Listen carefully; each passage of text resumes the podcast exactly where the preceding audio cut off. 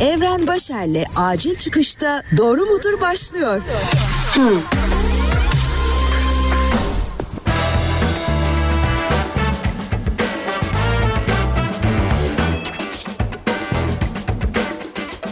Selam sevgili dinleyen ben Evren Başar. Acil Çıkış Podcast'in muhabbetli, yalan yanlış, tamamen popodan uydurma bilgilerden yola çıkarak doğruyu bulmaya çalışan programı Doğru Mudur'u dinliyorsun. Bakalım bu sefer 10 soruda kaç doğruya ulaşacağım. Acil Çıkış. Bu hafta doğru mudur diye soracağım kişinin ne yaptığını, kim olduğunu tek tek açıklamama gerek yok. Hem ismi hem de sesi yeter. Kendisini çok sevdiğimi de söylemezsem eklemezsem olmaz. Kulaklarınızda Yekta Kopan. Merhaba, merhaba, merhaba. Madem sen böyle başladın ben de aynı enerjiyle çok sevdiğimi söylemezsem olmaz dedin ya oradan devam edeyim. Ben de sana kardeşim demezsem olmaz. Yekta abi evet. hoş geldin. Hoş bulduk. Herkese merhaba. Hemen başlıyorum. Yekta abi ilkokul yıllarında çok sakin bir çocukmuşsun ve üst sınıflar seninle hep uğraşır, tenhada durmadan kıstırırmış. Doğru mudur bu? Yarı doğru yarı yanlış. Hemen cevap vereyim. E, sakince bir çocuktum. Sakince Hı-hı. bir çocuktum. Yani genel olarak çocukluğum sakince geçti ama şöyle sakin derken böyle hani şey değil böyle bir kenara çekilen böyle ondan sonra uzaklara bakan falan filan anlamında değil. Öyle çok fazla böyle e, şeylerim yoktur. Yani o, o zaman da öyleydi. Şimdi de öyle. Bir neşem varsa, eğlencem varsa kendi dar çevremde yaşayabilirim. Yoksa oraya zıplayayım, buraya atlayayım. Şuradan e, işte takla atayım, bu ağaca çıkayım, düşeyim, dizimi kanatayım bir çocuk değildim. Bu kısmı doğru, sakinlik kısmı biraz doğru gibi e, ama gerçekten ilkokul yıllarında hiç tenhaya çekildiğim, kenara çekildiğim, şşt bana bak kısa boylu, şşt ne yapıyorsun orada filan dendiği olmadı ama hemen bir gerçeği açıklıyorum. Ortaokulda nedenini bilmediğim bir şekilde bir gün servis beklerken Ankara Namık Kemal Ortaokulu'nda bir oğlan gelip çeneme yumruk atmıştı. Durup dururken. Bir, bir nedeni vardır herhalde bir şey. Şu anda hatırlamıyorum. Bir şey olmuştur. Bir, bir teneffüste biri birine bir şey demiştir filan ama hiç hatırlamıyorum. Ama bana böyle bayağı geldiler böyle üç oğlan bıdı bıdı bıdı geldiler. Ortadaki de bana böyle çat diye çeneme vurdu. E ben ne yaptım? Ortaokulun kalan günleri boyunca o çocuktan kaçtım. Bir daha çok korkmuştum. Dolayısıyla bir daha hiç çeneme yumruk yememek için tek metodum buydu, kaçmaktı. İlk soru yarısı doğru yarısı yanlış. Güzel bir yerden tutturmuşum. Lise yıllarındaysa içinden bir serseri çıkmış o dönemlerde. Böyle etrafını, etrafındakileri çok şaşırtan şeyler yapıyormuşsun. Bir de karıştığın büyük olaylar olmuş. Doğru mudur bu? Ya hepsi galiba yarı doğru yarı yanlış gidiyor. İçimden bir serseri değil ama bir hayta çıktı. Yani böyle birazcık böyle fırlama bir şey çıktı. O ergenliğin hemen sonrasında lisede biraz daha e, böyle durdurulamaz kuvvettim birkaç arkadaşımla birlikte. Bir de o zamanlar işte böyle hafif hafif artık müzik yapıyoruz. Ankara rock dinliyoruz. E, aynı zamanda yazı yolculuğu da başka bir yere doğru gitmeye başlamış. İçimdeki o yazma meraklısı Yekta'nın da serseri halleri var. Ve yine seslendirmede de biraz daha o ilkokul yıllarından daha üst seviyede bir yerlerde daha başroller konuşuyorum falan. Bütün bunlar popomu kaldırmış olabilir ve lisede gerçekten birazcık hayta olmuş olabilirim. Ama şey dedin ikinci bölümü neydi sorunun? Böyle Abi, olaylara gel- karışma. Olaylara karışmak. Olay, olay olayı nasıl tanımladığımıza göre değişir evren. Yani olay olarak neyi tanımlıyoruz onu bilmiyorum. Karıştığım olaylar mutlaka vardır. Karıştığım olaylardan dolayı üzdüğüm isimler varsa bizi şu anda duyuyorlarsa özür dilerim. Ya bir lise öğrencisinin karışabileceği olaylar nelerse o kadarına karışmışımdır. Evet. Okul yıllarında bayağı da çapkınmışsın. Böyle hanımları sesinle etkilemeye çalışır, onlara şiir okur, komik taklitler, seslendirilmeler falan yapar mısın? Doğru mudur bu? Ya bütün soruların girişlerinde kalsak evet diyeceğim. İkinci bölümden sonra hayıra geçiyor. Lise yıllarından bahsediyorsun tabii yine. Yani elbette lise yıllarında da bir ergen ne kadar çapkın olursa, karşı cinse ilgisini ne kadar belli etmeye arzulu olur ve bu konuda türlü metotlar denerse ben de o kadar deneyen biriydim. Ama yok işte sesimle bilmem ne yapayım o hiçbir zaman yapamadığım bir şey. Yok şiir okuyayım falan filan hayatta yapmadım. Hayatta da yapmam ya da benzeri şeyler ama işte böyle biraz o zamanlar biz birkaç yakın arkadaşımla birlikte lise yıllarında gitar filan çalıyorduk. O gitar çalmanın her zaman böyle bir albenisi vardır. Belki gitar çalarken etkilemeye çalıştığım, ilgi görmeye çalıştığım anlar olmuştur. Yani şiirle, sesle filan değil ama hani böyle gitar çalıyorum ben bakın hmm, hmm falan yaptığım olmuştur. İşte benim çapkınlığım da o kadar zaten. Yani hanımları gitarımla etkiledim diyorsun yani. Bak etkiledim demiyorum. Manipüle etme beni. Yani yapmaya çalıştım diyorum. Ya, başardım demiyorum ama yapmışımdır. Yapmaya çalışmışımdır tabii ki. Tamam. Gençlik yıllarında biri sana öyle bir öğüt vermiş ya da bir kitapta öyle bir şey okumuşsun ki hayata bakış açın birden değişmiş. başka bir şekilde düşünmeye başlamışsın. Var mı böyle bir şey? Doğru mudur? Doğrudur. Bu aslında benim şimdi biraz daha ciddi bir cevap olacak ama yani o yıllarda elbette e, ben işte seslendirme yapıyordum ve yaşça benden büyük olan özellikle Ankara'da Ankara Devlet Tiyatrosu'nun ya da özel tiyatroların, Ankara Sanat Tiyatrosu'nun çok değerli kadrolarıyla iç içe büyüyordum. E, o dönemde bana gerçekten kendi babamın ve kendi ailemdeki büyüklerin dışında büyüklük yapan, hocalık yapan çokça isim var. Şimdi burada birini unutursam diye hepsini saymıyorum ama e, özellikle de gençlik yıllarımda, üniversite yıllarımın hemen e, sonlarına doğru uzunca bir süre Altan Erkekli ile beraber hatta aynı evde yani Altan abinin evinde kalıyordum ben. Dolayısıyla o benim böyle baba yarım gibiydi. Onun bütün öğütleri, bütün söyledikleri, söyleyiş tarzı hepsi kulağımdadır hala. Bu kişilerle ilgili kısmı, hızlıca hemen kitaplarla ilgili kısmına geçeyim. Ya şöyle bir şey var. Yani şunu çok net söyleyeyim Evren. Ben hala bugün bir kitap okuduğumda o kitaptaki o cümleyi, az önce bir cümle dedin ya, o cümleyi bulduğumda o cümle benim en azından o anımı, o andaki beni ve ertesi güne uyanacak beni değiştirir. O yüzden hayatta en sevdiğim şey kitap okumaktır. Evet bu soru her iki cephesiyle de doğru oldu o yüzden. Çok güzel. Üniversitede işletme bölümünü biraz zor okumuşsun. Böyle sıkıntılar içinde bitirmişsin. Böyle her her derse bitse de gitsek diye giriyormuşsun. Var mı böyle bir şey? Doğru mudur? Doğrudur. Bak hemen doğruyu yakaladım. ya şöyle ki doğrudur. Şöyle ki doğrudur. Ee, aslında yine burada da bir açıklama yaparak doğrudur demem lazım. Ben üniversiteye girdiğimde 1980'li yılların başındaki Türkiye'yi düşünecek olalım. O Türkiye zamanında işletme çok makbul bir bölümdü ve benim içinde şöyle bir ideali vardı onun. O tarihe kadar ben 6-7 yaşından itibaren aralıksız seslendirme yapmıştım ve bunu da bir zevk, bir hobi değil, işte hem e, evin durumu, ailenin durumu, ekonomik durumlar filan nedeniyle e, bir hayat mücadelesi olarak yapmıştım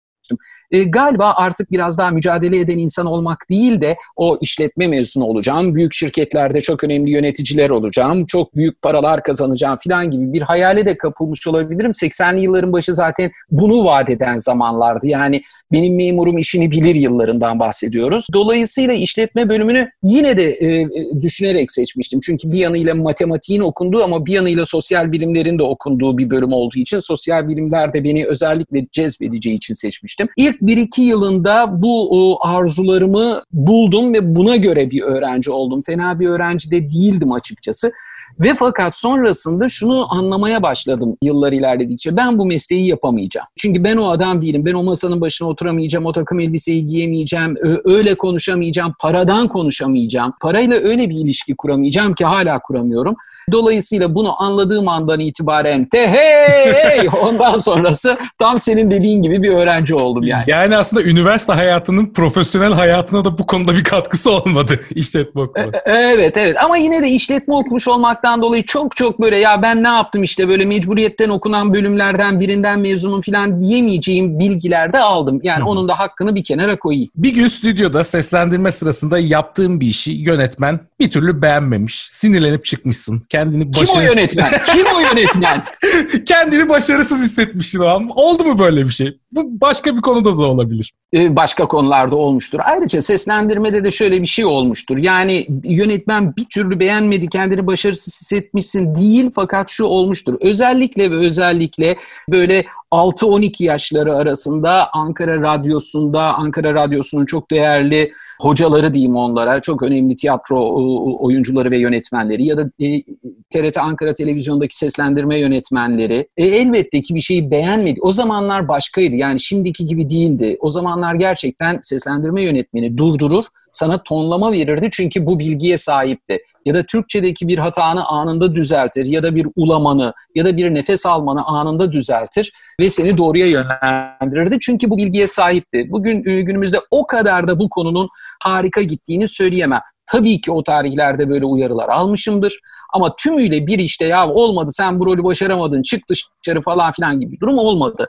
Çalışkandım o konuda da çalışkan bir insandım çünkü. En iyisini yapmaya çalış elimden geldiğince tabii en iyisini yapmaya çalışırdım. Stüdyodan kovulmadım yani arzum buysa ben hiç stüdyodan kovulmadım onu hatırlamıyorum. Güzel do- doğru olmaması en azından bir yerde iyi. Peki başarısız hissettiğinde o kalkış anını nasıl yapıyorsun? Gününe göre ve başarısız hissettiğin konuya göre değişir. Bende en azından böyle. Tabii ki o başarısızlıktan geri dönmenin bendeki en iyi formüllerinden biri çalışmak ve yeniden öğrenmeye çalışmak, yeniden başlamak. Yani bildiğin yerden değil, bilmediğin yerden, sıfırdan başlamak. Bunu bütün her şey için söyleyebilirim. Televizyonda yaptığım işler, seslendirme, kendi öğrencilerimle olan ilişkim ya da yaptığım diğer bütün işlerde söyleyebilirim. Ama bazen de şu var, şimdi burada da ya işte bak nasıl yenilsem de ayağa kalkarım falan diyerek kendimi de böyle bir dokunulmaz, yenilmez adam gibi anlatmayayım. Bazen çok tuhaf oluyor o hallerin Evren. Yani sen de kötü bir durumda oluyorsun. Hayat başka bir yerden sana bir tokat atmış oluyor. E, o zaman öyle dedin yani nasıl ayağa kalkıyorsun? Bazen günlerce kalkamıyor. Yani bazen günlerce al önüne bir kova çekirdeği çitle dur yani gökyüzüne bak. Galiba o kalkamama döneminde kendi içime çok dönüyorum. Bunu tavsiye etmem iyi bir şey değil. Yazarlığıma veya yazma bilgime faydası olmuştur ama e, ben her zaman çalışarak kalkın, üreterek kalkın diyenlerdeyim. Tavsiye ise böyle uygulayabiliyor muyum bilemem. Şimdi Buz Devri'nin ilk filminde Sid karakterini seslendirme şeklin diğer seslendirmenler arasında olay olmuş. Ali Poyrazoğlu tüm seslendirmelerini bitirmesine rağmen stüdyoya bir daha dönmüş, bir daha seslendirmiş karakterini. Doğru mudur diyeceğim. Bir daha seslendirmiş olduğunu sanmıyorum. Yani o bu kısmın e, şey anlattığın kısmın birazı şehir efsanesi olabilir. Hı. Şöyle de olmamıştır. Yani koskoca Ali Poyrazoğlu vay o öyle seslendirdi. ben bir daha seslendireceğim. Yani sonuçta e, Ali Poyrazoğlu'nun önünde biz de nasıl duracağımızı biliyoruz. Gerçekten harika bir iş çıkarıyor orada ve her zaman da Ali Poyrazoğlu'ndan bahsediyoruz yahu. Hı hı. Fakat şu or- oldu orada. Evren şimdi o, o filmi getiren yapımcı şirket filmlerin seslendirmesinde sen de seslendirme yaptığın için bilirsin. Sonuçta bir çeviri metin gelir ve o çeviri metnin sınırları içinde kalırsın. Ve bu doğrudur da. Çünkü o çeviri metin filmin orijinalidir.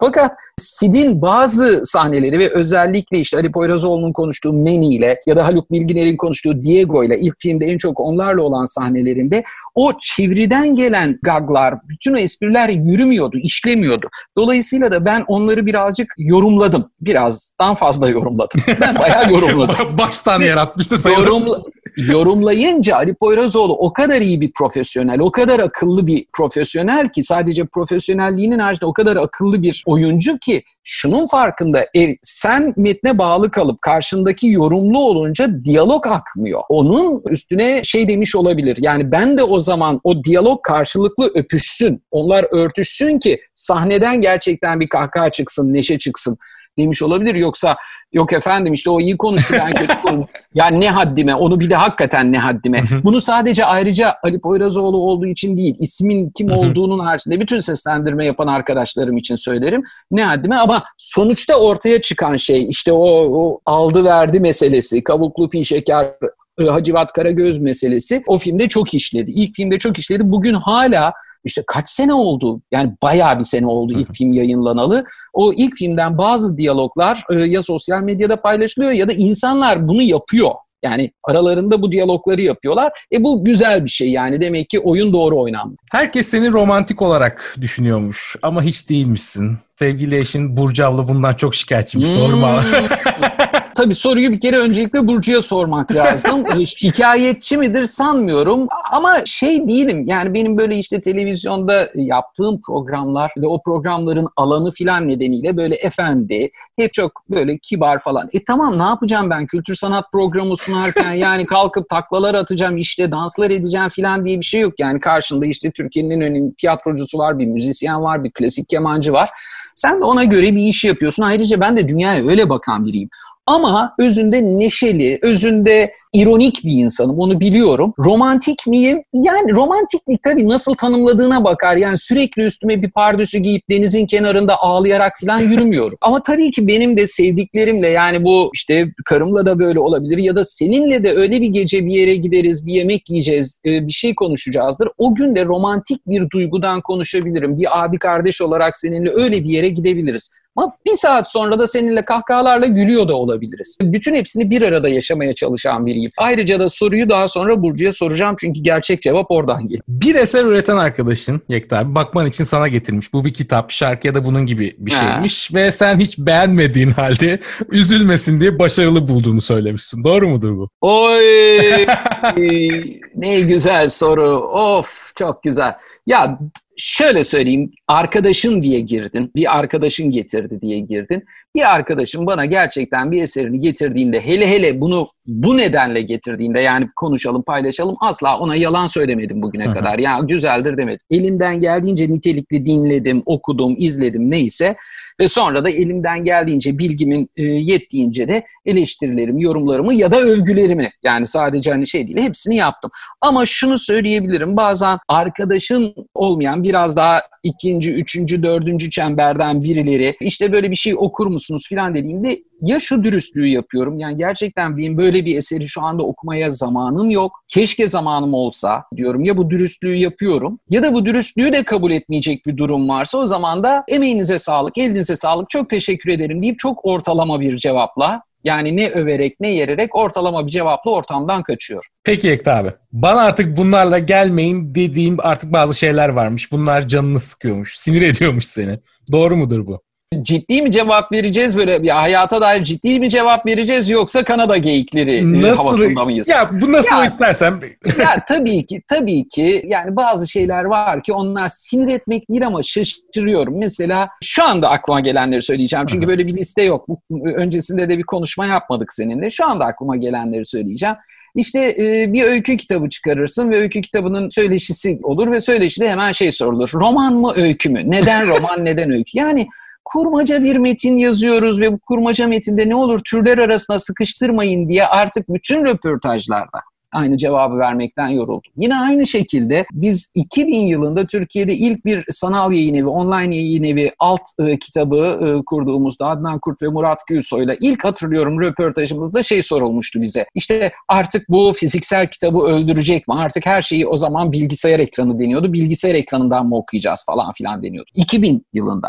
2020'ye geldik hala işte bu e-kitaplar kitabı öldürecek mi filan? Ya aynı cevabı vermekten yorulduğum konularda hala da aynı cevabı veriyorum. Değişik bir cevap yok. Hayır bu bunu öldürmeyecek. İkisi birlikte yürüyecek. Bir şey geldiğinde bir yenilik geldiğinde var olanı yok etme duygusu nereden bize hasıl olmuş bilmiyorum.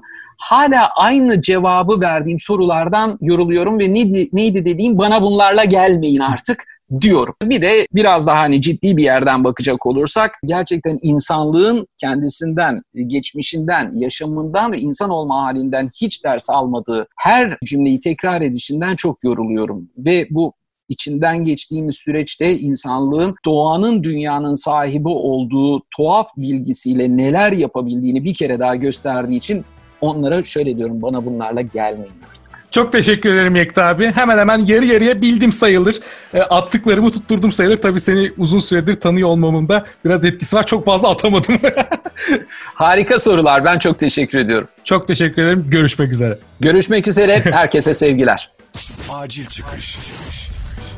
Acil Çıkış Podcast'te bir bölümün daha sonuna geldik. Beni şu an hangi platform üzerinden dinliyorsun bilmiyorum ama Acil Çıkış'ı podcast dinlenebilen tüm platformlarda bulabilirsin. Ayrıca beni dinlediğin platform üzerinden takip eder. Bu bölümü de sosyal medyanda paylaşırsan ne de güzel olur, ne de güzel hissederim bilemezsin. Patreon üzerinden bana destek vermek istersen de ayrıntılı bilgiler açıklamalar kısmında var. Başka bir bölümde görüşmek üzere. Evren Başer'le acil çıkışta doğru mudur sona erdi. Hmm.